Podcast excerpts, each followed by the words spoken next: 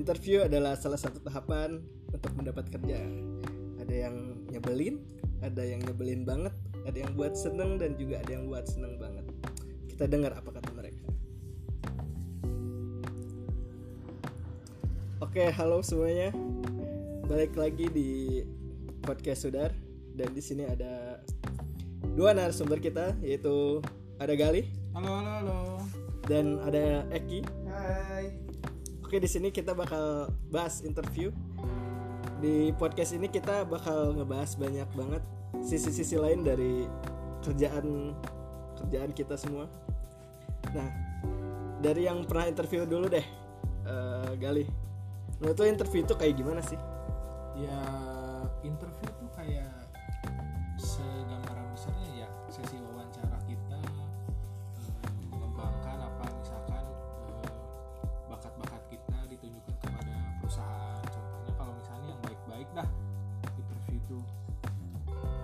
jadi gak ada ya interview-interview. Menurut gue ya nggak nggak pernah interview itu di interview sama orang cewek cantik lah kayak gitu gitulah kayak di paham paham gitulah. Nah menurut lo kayak lo pernah nggak sih interview tuh? Enggak lah kalau buat kerjaan enggak ya. Tapi kalau misalnya yang lain interview pasti ada kan interview mah apa ya proses tanya jawab antara dua manusia aja kan? Iya iya. Iya. Sih. nah buat buat lo dulu deh Ki yang nggak belum pernah interview di kerjaan ya. Nah nah interview di mana aja sih yang lo pernah alamin lah selama hidup lo wawancara masuk kuliah. Oke. Ya kan? Kalau di gua ada. Terus misalnya interview kalau misalnya tes uji kompetensi pasti. Berarti tuh yang gitu-gitu yang serius-serius lah. Oke. Harus nyiapin itu ya, nyiapin eh, materi materi-materi buat yang kita omongin kayak nah gitu. ya. Oke. random Nah, interview yang benernya tuh kayak gimana, Li? Buat lu yang pernah interview. Jadi eh, sebenarnya ini cerita doang nih. Kalau misalnya dulu tuh ngebayanginnya interview tuh ketemu cewek nih, ceweknya cantik, pada pakai baju rapi, seksi tuh kayak di film-film lah gitu.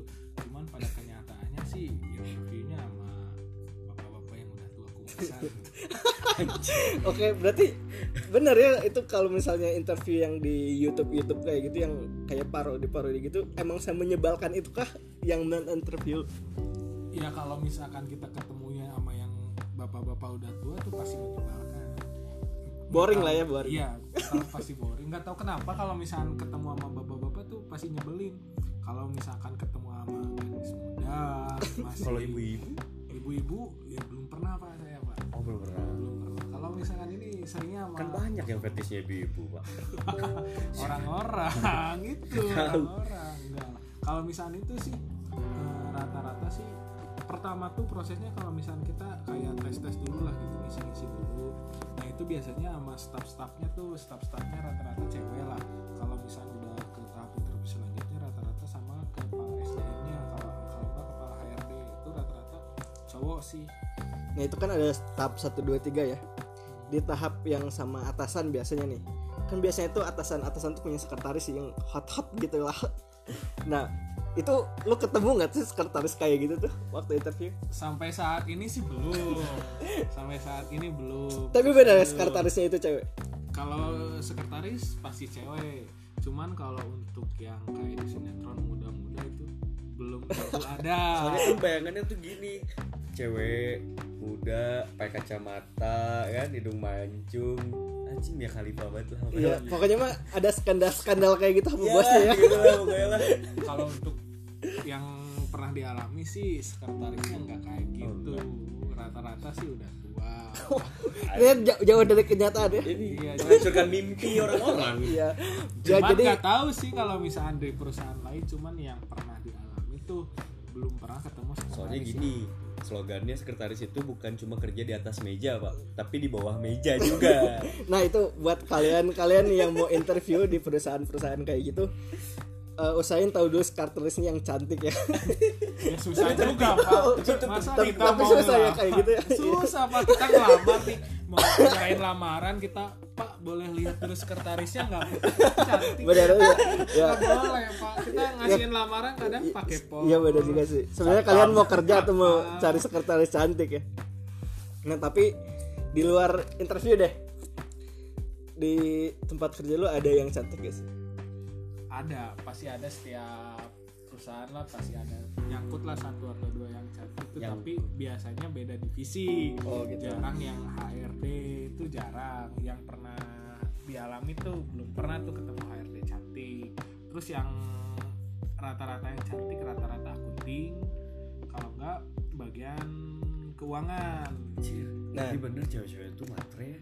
Iya. Nah Banyak. ini kan gue nggak pernah ini, banyak pak cewek gue nggak pernah kerja di eh, perusahaan-perusahaan kayak gitu lah. Emang setiap divisi itu jauh banget ya itunya Eh, apa jaraknya gitu? kalau Jarak misalkan kerjanya. di perusahaan yang saat ini dikerjai kalau untuk di sebenarnya sih nggak jauh masih dalam satu gedung gitu kalau misalkan kayak lantai misalkan ada 10 lantai nih kantor kantornya misalkan kantor eh, 10 tuh misalkan buat direktur terus lantai 11 eh se- 11 9 9 itu untuk misalkan akunting lantai 8 nya untuk keuangan gitu per lantai itu beda Jadi jadi lu nyocok nyocokin jam aja ya biar bareng-bareng istirahatnya gitu. iya Biar bareng ketemu di lift. Iya iya Ya kan? Iya, model model kayak gitu ya. Siapa tahu lah, Iya. di lift singkat tapi Iya. menarik. iya cuman ya karena kerjanya di cabang jadi jarang juga ke kantor perusahaan Oke. gitu Nah, eh, interview, interview itu selalu menarik ya buat dibahas. Nah, sekarang kita tanya deh, penting nggak sih sebenarnya tuh interview itu? kalau untuk dari sisi segi segi perusahaan itu penting pertama kita harus tahu dulu karakter yang mau bekerja untuk kita gimana kalau dari segi perusahaan kalau misalnya dari segi pekerjaannya ya itu buat nunjukin skill kita kelebihan kita. Nah, itu persiapan lu buat interview waktu itu tuh eh, lu harus ngafalin nggak sih sebenarnya? kalau pengalaman sih nggak pernah ngapalin ya ngobrol biasa aja. Sebisa mungkin kita tuh harus jujur. Nggak boleh misalkan kayak kelebihan. Misalkan kita tuh saya tuh jago loh misalkan Microsoft Excel Microsoft Word ah, saya menguasai semuanya. Tapi dari dari kerjaannya dia nggak menguasai sebisa mungkin jangan gitulah. Oh. Ka- Ya harus jujur-jujuran lah ya, iya harus jujur jujuran sama sama pacar sendiri ya biar nggak berantem berantem gitu. sama aja kayak pacar. Anggap aja Bos adalah pacar. iya interview tuh kayak Tapi- ngomong sama calon mertua. Jadi pengen nanya kalau misalnya lu yang jadi bos nge-interview orang yang mau ngelamar kerja kira-kira apa yang bakal lu lihat? pertama sih kalau misalkan dari jadi bos tuh dari sikapnya dulu dia Sikap. sopan atau enggak Kalau penampilan menurut lu gimana penampilan? penampilan sih kadang-kadang kalau misalkan penampilan juga bisa menipu kita penampilan bagus tapi kerjaannya jelek kan jadi pusing juga ke Nah, itu buat kalian guys yang tapi nyari-nyari sih yang mungkin cantik. penampilannya menarik sih Iya kan? iya Nah, buat lo Niki Ayo. eh, interview, lo pernah interview orang gak sih? Interview orang Ya, pernah, jelas. Tapi waktu itu interviewnya untuk kepanitiaan. oke oke. Nah, interview orang-orang yang mau jadi panitia lah gitu. Ya, Kalau itu sih biasanya yang gue lihat ya karena ini mahasiswa kan. Iya. Nah, yang penting good looking, oke attitude baik, oke. ya kan? Apalagi kalau cewek, yang penting manis, kempotnya dua masuk. Nah, interview, Iya. interview, itu kan kalau misalnya mahasiswa pasti ini apalagi jurusannya bapak ini aduh Nah, pasti cantik cantik interview kan itu em, berkaitan dengan pertanyaan ya. ya, betul.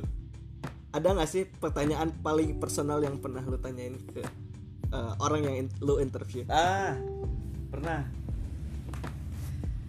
Paling personal. Oke, paling personal apa? Ngekosnya di mana? Waduh, Wah, ini bahaya juga nih. jangan, jangan. Jadi hati-hati deh sama Oh, Eki nih. bukan gitu. kalau Ah, kalau gimana, gimana? gini, gini, Beda. kayak Untuk gitu, apa, itu. Kita konfirmasi lagi. Oke, oke. Jadi kita nanya dia tinggal di mana itu untuk tahu kan jarak dia ke kampus jauh atau enggak, ya kan? oke. Jadi nanti tuh relevan kalau misalnya kita mau ngajak rapat nih misalnya nih rapat jam sekian tapi misalnya rumahnya di Cibiru kan jauh pak oh iya kasihan juga ya. kasihan pak nah gitu Mending kita jemput, bener gak? nah gitu tapi harus Ya kasih kan? tahu dulu nanti kalau bidangnya pulang apa kalau pulangnya malam harus kita anterin apa enggak kan gitu Iya, benar, sebagai benar. bos benar benar benar. oke oke. tahu dulu bidangnya apa.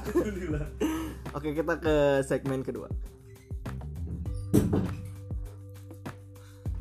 Oke interview. Interview itu eh, di bayangan kita kadang nyeremin kadang bikin deg-degan. Itu kan gimana kita mikirnya gimana ya? Nah sekarang ini kita tanyain ke yang sudah berpengalaman dalam bidang interview Eh, Pak Gali. Pak Gali eh, ada nggak sih sisi unik yang harus kita tunjukin gitu ke interviewer kita buat kita tuh biar keterima gitu kerjanya? Menurut saya sih bisa aja gitu misalkan kita tunjukin sisi unik kita. Contoh kalau misalnya kita nih kalau interview kadang-kadang nggak mungkin lah kalau misalnya tahap pertama tuh sendiri rata-rata di atas misalkan 20 orang. Nah kalau di di antara 20 orang itu kita bisa tunjukin sisi unik kita pastilah yang interview pasti eh, lebih eh, memperhatikan kita karena beda dari yang lain. Oh jadi jadi jadi interview itu sebanyak itu ya nggak? Nggak satu ini- lawan satu gitu ibaratnya? Keroyokan dong. Enggak, kan interview tuh waktu pertama tuh kita kayak ngisi pertanyaan-pertanyaan gitu. Pasti itu enggak akan satu orang yang interview. Kalau misalkan satu orang tuh tahap interviewnya yang tahap kedua dan ketiga. Jadi Tapi tahap pertamanya eh, untuk ini pasti ngisi dulu kan itu ada beberapa penyaringan. misalnya nih dalam satu ruangan yang interviewernya berapa orang satu Kalau misalkan tahap pertama tuh eh, kalau misalkan pesertanya lebih dari 20 biasanya ada tiga orang. Kayak orang. misalkan kita kayak ujian lah. tapi ngantri Enggak, jadi kayak satu aula gitu kita ngisi eh, pertanyaan-pertanyaan, contohnya minat bakat, Ya, ya. terus misalkan kayak misalkan angka nih, misalkan ada gambar Deret, 00 bisa yang jadi gitu lah gambar ya. apa Nah. gitu. Itu biasanya sih eh, lebih dari satu orang. Kalau misalkan yang lebih personal tuh interview tahap kedua, rata-rata misalkan itu yang udah lolos interview tahap satu. Kalau misalkan tahap kedua biasanya nanya nih eh, dulu kalau misalkan sekolahnya apa, kuliah atau masih SMA gitu. Ntar kalau misalkan tahap selanjutnya lagi interview sama bos langsung. oke interview nah interview itu kan untuk masuk kerja nih Le. Eh, pertama kali lu dapat kabar lu diterima tuh kayak gimana perasaan lu dan dikabarinnya kayak gimana sih Pertama sih dapat kerjaan ya namanya dapat kerjaan ya senang aja orang-orang susah juga sih Orang butuh. kerja iya butuh butuh itu pertama terus eh, dikabarinnya biasanya sih lewat email kalau nggak SMS tapi kalau sekarang sih rata-rata di email SMS jarang ada soalnya banyak yang nipu Nah, nah itu buat kalian yang udah interview jangan mantengin terus HP di SMS ya. Cek-cek juga email kalian gitu. Eh, biar nanti tahu jauhnya diterima tapi lu lu nggak baca lagi emailnya. Ya rata-rata kalau misalnya diterima tuh emailnya eh, selamat anda eh, diterima di perusahaan kami mohon hadir untuk konfirmasi misalkan mau diterima atau enggak Nah, beda lagi ke Eki nih. Tahapan lu kan lu nggak lewatin interview nih. Tahapan lu dapat kerjaan yang sekarang tuh kayak gimana sih? lulus langsung dapat detail dan bekerja Oh gitu langsung ya? Oh sesimpel itu. Gak, gak, gak, gak, gak, gak, bercanda, bercanda. Jadi gini, kalau di dunia gua, jelasin dulu dunianya Oh, Pak. iya, iya. karena Ya, orang-orang ya. kan nggak tahu dunia tuh dunia bapak itu dunia apa hitam lah pokoknya dunia saya. Nah, Ya jadi kalau di, di dunia kedokteran itu kebanyakan nggak ada, bukan nggak ada ya, sedikit sekali yang sistemnya lamar-lamar sana, lamar sini, jarang.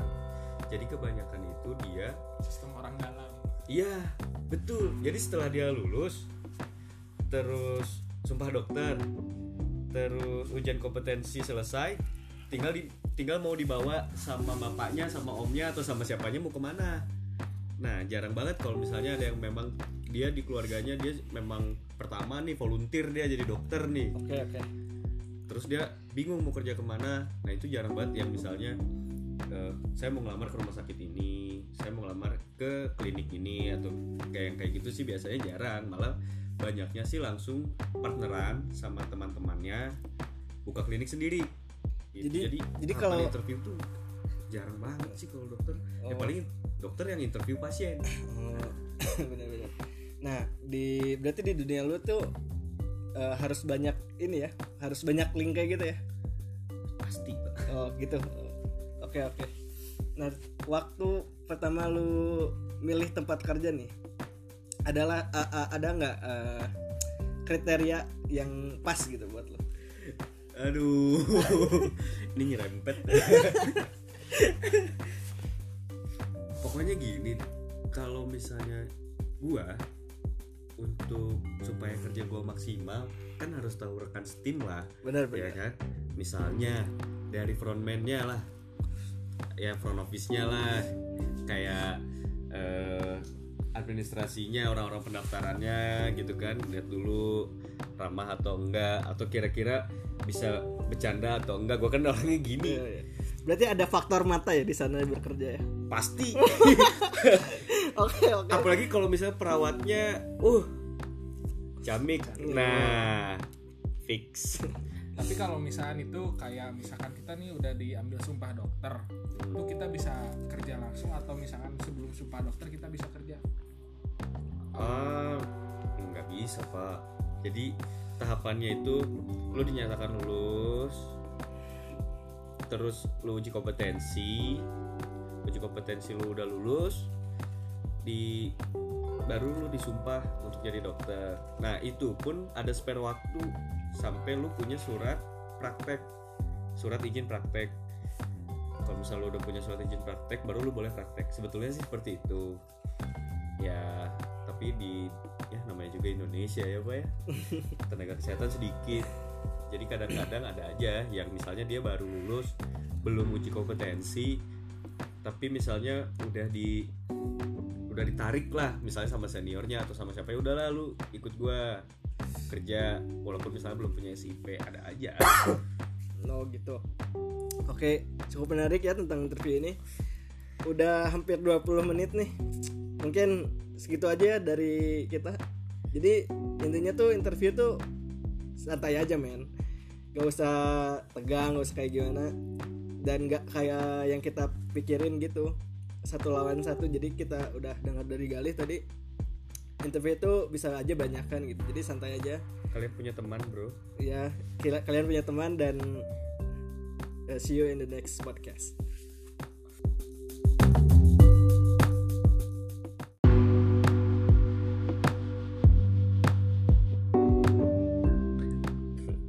halo halo Halo, halo. halo welcome back to uh, Sudah pet. Saudara Podcast edisi kerjaan.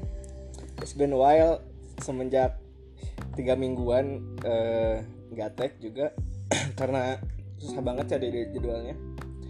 Di sini gue sebagai host kalian seperti biasa gila. Gila. Sekarang ada tiga guest. Ada orang baik Gali Halo i halo halo halo Eh, hidung lu terbang nggak waktu gua bilang lu orang baik enggak sih biasa aja Enggak ada. Emang punya hidung? Enggak gini ya. Kenapa kenapa eh, he, he- apa? Menurut gua he's a nice guy gitu. Karena menurut menurut menurut gua setiap dia eh, meet with the apa? eh, parents dari pacarnya Galih kayaknya Galih itu sosok yang apa ya? Tidak dicurigai lah gitu. Padahal sih mukanya kayak kayak Iya, begal. enggak dari dari perlakuan dia gitu kan yang charming gitu. penyayang Iya penyayang. Padahal brutal. A nice guy. Ada Hanafi, halo Vi. Swadikap Dan udah kita impor jauh-jauh dari luar pulau. Ada Dani. Yo. Apa kabar Dan dan eh, perkenalkan lah. dan itu siapa Dan itu siapa sih gitu. Om Syastu. Woi, gue Dani. Mungkin kalau lo kenal Gilang, gue sempet ngeband bareng Gilang. Cie, jadi drummernya Gilang. salah lu kita sempat berbisnis bareng kalau ngomongin kerjaan kita pernah kerja bareng dulu. Iya nggak sih? iya iya iya Bikin album ya kita Iya. ya. Kita aja sih. Eh, emang jarang ketemu Gilang sih. Kebetulan emang kerjanya agak jauh. Iya. Ya, lu sebagai apa nih di di kerjaan lu yang jauh itu? Gue cuman sebagai kuli sih ya. Kuli doang sih. Tukang ngebor. kuli gas Ini eh, Dani ini suka merendah ya, tapi dia adalah eh tipe-tipe orang yang menolak privilege-nya. nah, eh tadinya gue mau angkat eh, tema first day at work, cuman kayaknya eh, nama apa? Itu terlalu susah ya, terlalu klise juga. Dan ada masukan juga dari pendengar kita itu. Katanya jangan terlalu serius lah gitu. Santai-santai aja kita ngomongnya. Nah di sini nih Li. Eh, waktu kecil lu itu eh, apa? Apakah orang yang ter- terlalu cepat dewasa atau atau ya atau eh, atau orang yang apa namanya? Yang ya uh, when you a child gitu. Lu punya cita-cita yang ya tinggi banget. Gitu. nah eh, ceritain coba. Cita-cita lu waktu kecil tuh apakah udah nyerempet nyerempet ke arah yang eh, apa yang udah ada petnya atau ya asal sebut aja yang gua suka gitu. Kayak polisi dokter gitu. cita-citaku ingin jadi Bu Ahmad. Enggak enggak. Kalau misalkan ngomongin cita-cita waktu kecil pasti semuanya masih random lah mungkin kalau misalkan cita-cita eh, dulu pasti kebanyakan jadi dokter jadi polisi dan sebagainya. Terus kalau misalkan cita-cita yang sendiri itu apa ya? Nggak inget juga pak. Tuh waktu masih kecil nggak kepikiran gitu. Maksudnya mau jadi apa? Pasti setiap orang di anak kecil atau misalkan yang dulu dulu lah yang masih seumuran kita pasti cita-cita pengen jadi dokter kalau nggak polisi nah kalau Ya, misalkan ditanya kalau anak-anak sekarang cita-citanya pengen jadi youtuber. Ya ya ya jadi beda itu kalau misalkan ditanya sekarang pasti jawabannya jadi youtuber Ya, kalau ya. masih kecil juga Ya, gitu sayanya ya kan anak kecil sekarang itu lebih apa ya lebih the trademark dengan kefamousan jadi youtuber itu ya dan dulu kita eh, ngelihatnya keren aja gitu jadi polisi jadi dokter gitu kan. Membina orang-orang sakit sangat, sangat bijak saya he's a good guy. As always. Ya. Gali ini adalah orang baik untuk eh, apa namanya orang tua orang tua pacar atau mantannya. Begitu. Padahal. Ya, Padahal ini nggak tahu ini anaknya diapain. Oyo. ayo oh yo belum ada oyo Nah, Maaf, maaf. Buat buat lo nih simpang. apa lu apa? Seorang anak kecil yang terlalu cepat dewasa. Atau ya sama kayak Galih tadi. Cita-cita lu dulu. Kalau waktu kecil mah kayaknya sama kayak anak lain. Cita-citanya sama kayak polisi dokter yang lebih milih dokter. Soalnya lihat tante kan suster nah jadi pengen jadi dokter. Ya ya. Agak menarik sih. Ini kan eh, dulu juga gua eh, sama kayak lu sih tentang sosok yang dekat sama kita itu. Oh ya jadi inspirasi kan. Kayak Bener. gue dulu dua dulu eh, dulu gue itu eh saat ditanya oleh guru gue itu ingin jadi pengacara dan temen-temen gue itu nggak tahu apaan tuh pengacara kan. Da- dan itu ya karena karena sosok ayah juga sih. Nah buat lu nih dan. Are you eh, apa? A mature kid waktu dulu? Atau ya sama aja sih kayak eh, si anak baik yang tadi itu?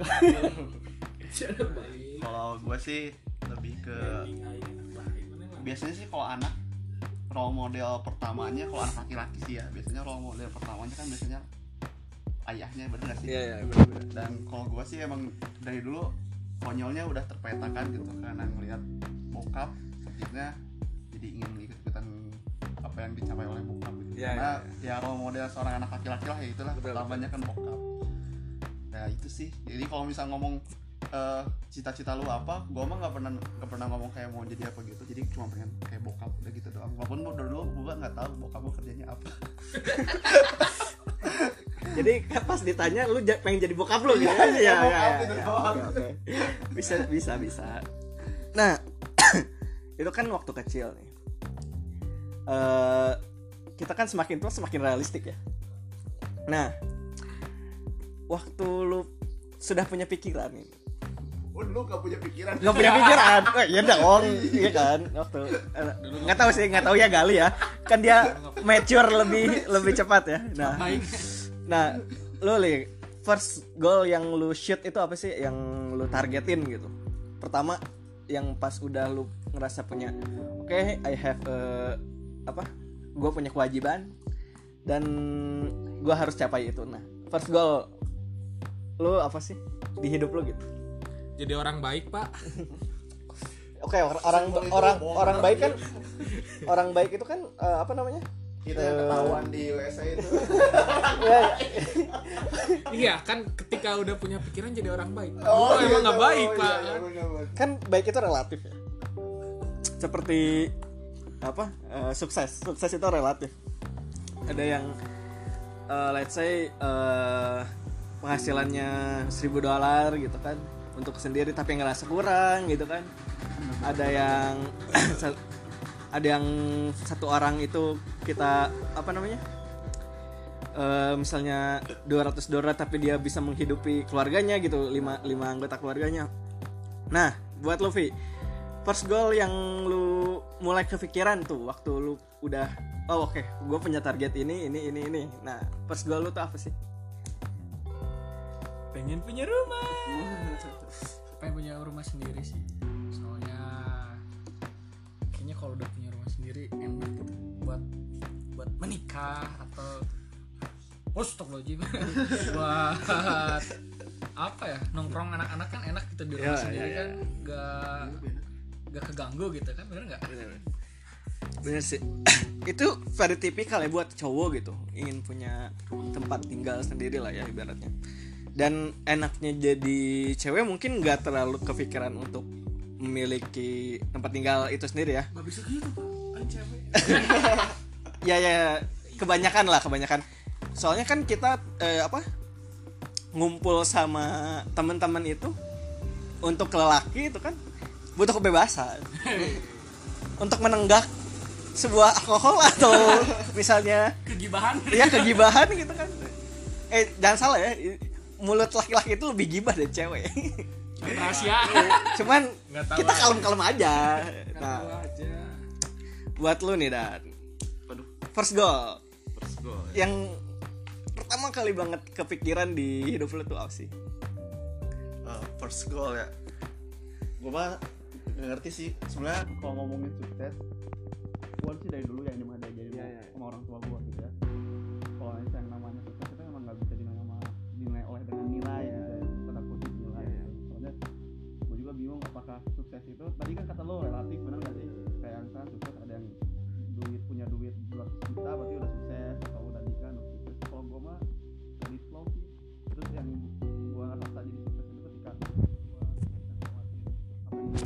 misalkan nih gue lagi SMP terus gue lulus gue anggap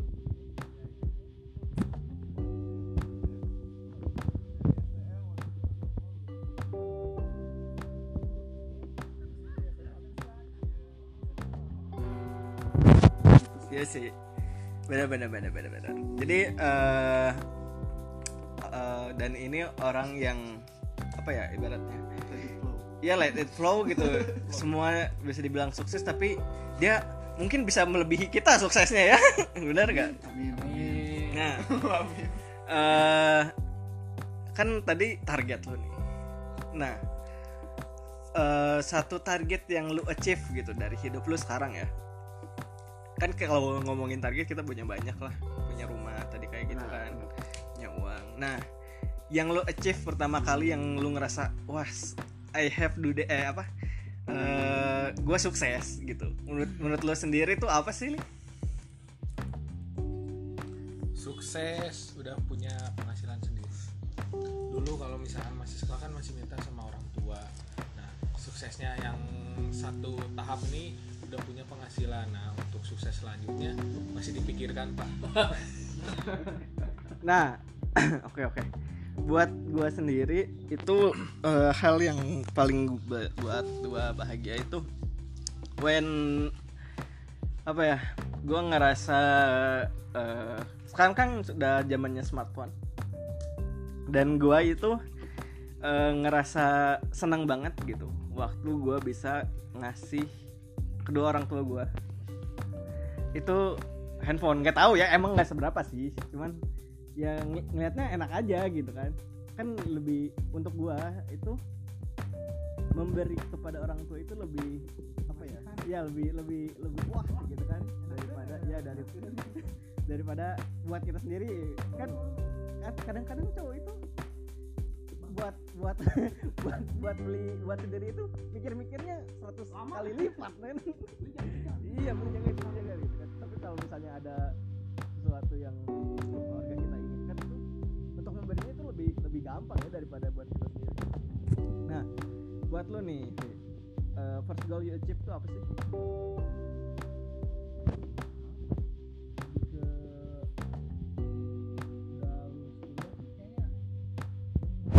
Eh, bangga gitu sama babeh gitu. Udah bisa nguliahin gitu. Itu kayak yang ah alhamdulillah gitu. Berarti udah bisa mensukseskan beliau ya, ya, ya, ya, ya. Ya. karena anaknya udah lulus gitu benar benar benar benar. Benar benar benar. Jadi buat kalian yang belum lulus cepet-cepet lulus ya. Nah buat lo nih dan. Eh, achieve achievement apa sih yang lo bisa banggain lah yang bisa lo inget-inget sampai sekarang? Ah, kalau menurut gua achievement gua yang menurut gua gua udah goal itu ketika orang tua udah menganggap gua udah bukan bebannya mereka lagi. Oh itu sih kayak misalkan orang tua udah nganggap gua teh kayak lu Dani udah bisa eh, nyari makan sendiri banyak kayak gitulah udah nyari duit sendiri terus udah bener-bener orang tua udah bener-bener stop semua subsidinya ke gua. Itu sih. benar benar benar benar jadi lu udah jadi manusia lah ya? Ya udah manusia, manusia seutuhnya. Lu apa? Bajingan. nah kita, kita kayaknya terlalu kaku ya? Serius? Ya nah nah ini kita kita mulai mulai ngalor ngidul lah. Oke oke. Alright alright Eh, does politic matters gitu. Buat kerjaan lu pemerintahan ini eh, ngaruh nggak sih? Gitu kan? Seperti yang kita tahu di Jepang itu banyak orang yang gila kerja. Tapi si duitnya tuh emang banyak gitu. Dan mereka tuh tidak tidak terlihat kesusahan. Eh, shout out aja buat buat apa ya? Buat para para guru ya. Ya bu- buat guru-guru kita lah itu kayak kayak susah banget gitu ng- ngelihat mereka seperti pengusaha lah. Ibaratnya kan di sini tuh di Indonesia tuh pengusaha itu yang apa punya kasta yang paling tinggi lah. Iya benar. Ya kan? Benar benar. Nah buat lo nih Li, das politik matters gitu? Pemerintahan tuh ada apa sih Ngaruhnya? ada ya ada ngaruhnya nggak sih buat kerjaan kita sekarang tuh? Pasti ada ngaruhnya lah soalnya kebijakan-kebijakan pemerintah tuh pasti ngaruh kalau misalkan di kerjaan saya nih misalkan eh, di perbankan gitu kayak finance gitu kan kalau misalkan pemerintahannya untuk acu suku bunganya kan pasti ngaruh juga untuk ke perbankannya juga. Nah sekarang kan kita tuh lagi ini apa ekonomi lagi mendet nih. Nah harusnya sih pemerintah di situ hadir memberikan dan solusi-solusi kalaupun hadir jadi tapi nggak jangan hadir. misalkan pemerintah tuh eh, pronya ke asing sekarang. Oh. sekarang kan banyaknya asing mbak. Oh iya benar ya. Jadi kalau misalkan kalau bisa sih pemerintah bisa memberdayakan lah untuk orang-orang atau pengusaha-pengusaha dalam negeri buat bikin si ekonomi kita maju gitu. Benar-benar kita itu kan punya katanya sih ya. Ini nggak tahu Katanya- teori teori konspirasi atau enggak? Kata katanya. Katanya sih eh, Indonesia itu eh, apalah Punya eh, emas. ya punya apa- Terkaya? adalah dah negara terkaya di dunia bener gak sih? Dengan sumber dayanya. Tapi upit. Tapi kita itu kayak ke mana? Ini ke mana semuanya gitu kan? Kanan. Nah buat lu nih Vi kan achievement lu tuh rumah ya. Yuk dan kita tahu lah rumah itu Mahal. susah susah. Ya bener mahal banget mahal banget. Kan harusnya itu kalau misalnya gaji kita segini dan harga rumah itu harusnya bisa disicil kan? Iya. dengan dengan kemampuannya. Ya benar benar benar. dengan eh, apa namanya setahun misalnya kita nabung oke kita punya rumah. Dan umur umur kita ini agak rawan sebenarnya. 25 tahun 24 tahun. Itu agak rawan dengan kalau nikah kamu mau tinggal di mana gitu kan? Right. Right. Nah apakah solusi rumah murah ini menurut lu cukup gak sih? Untuk apa ya? Untuk eh, pekerjaan lu sekarang gitu untuk membeli rumah gitu kan? Achievement lu juga rumah gitu kalau lihat pemerintahan sekarang sih udah ada ya program rumah murah itu yang dicicil 800.000 ribu per bulan. Batas atau batas atau hari gitu? Hmm, enggak. Bukan. Per bulan. Ada ada. Cuman jaraknya itu coy di kampung kalau nggak di kampung di gunung yang Iya, kita kalau ke kerja itu bisa dua jam tiga jam kalau macet lah dari tempat itu. Kan itu buang-buang waktu buat kerja optimal gitu. Pemerintah kalau bisa ya bikin apa ya kota kayak kalau di luar negeri mana ya apartemen paling ya. Iya, iya, iya, benar-benar. tapi murah gitu nggak usah yang kita harus ke Bali Eh, eh, harus jauh-jauh. Ada rumah murah ada program KBB nih. Jauh tapi hampir oh kita kayak mudik kayaknya kalau kerja itu. Mesti naik kapal. Naik kapal harusnya diperhatiin tuh pemerintah ya. Apalagi kan kerja ya saya gue mah di honorel gitu honorel. Honorel. Honorel. Honorel. Temennya monorel. mana gaji di bawah UMR tidak diperhatikan tempat tinggal? Eh tempat tinggal. Tuh. dan yang lain dengar Pak Jokowi dengar. Eh, jangan sebut sorry. sini banyak pastel. Iya ya, benar sih. Kan apa ya di Amerika itu banyak banget eh, 17 tahun itu udah tinggal sendiri dan tidak dengan orang tuanya. Kan di sini tuh apartemen tuh lebih mahal men dari rumah men. Masalahnya. Kan Dan dan satu lagi di luar negeri itu kalau kita live with somebody gitu kan dengan pasangan kita itu diperbolehkan. Sedangkan di sini digerebek gitu.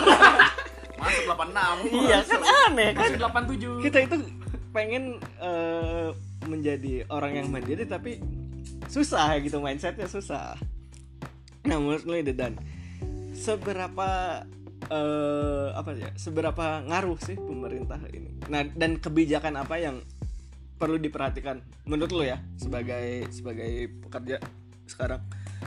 Ini di bidang gua nih bidang gua ya bidang gua. lu bidang lu Tunggu nih gua mau mau bahas dulu nih masalah tadi nih masalah rumah nih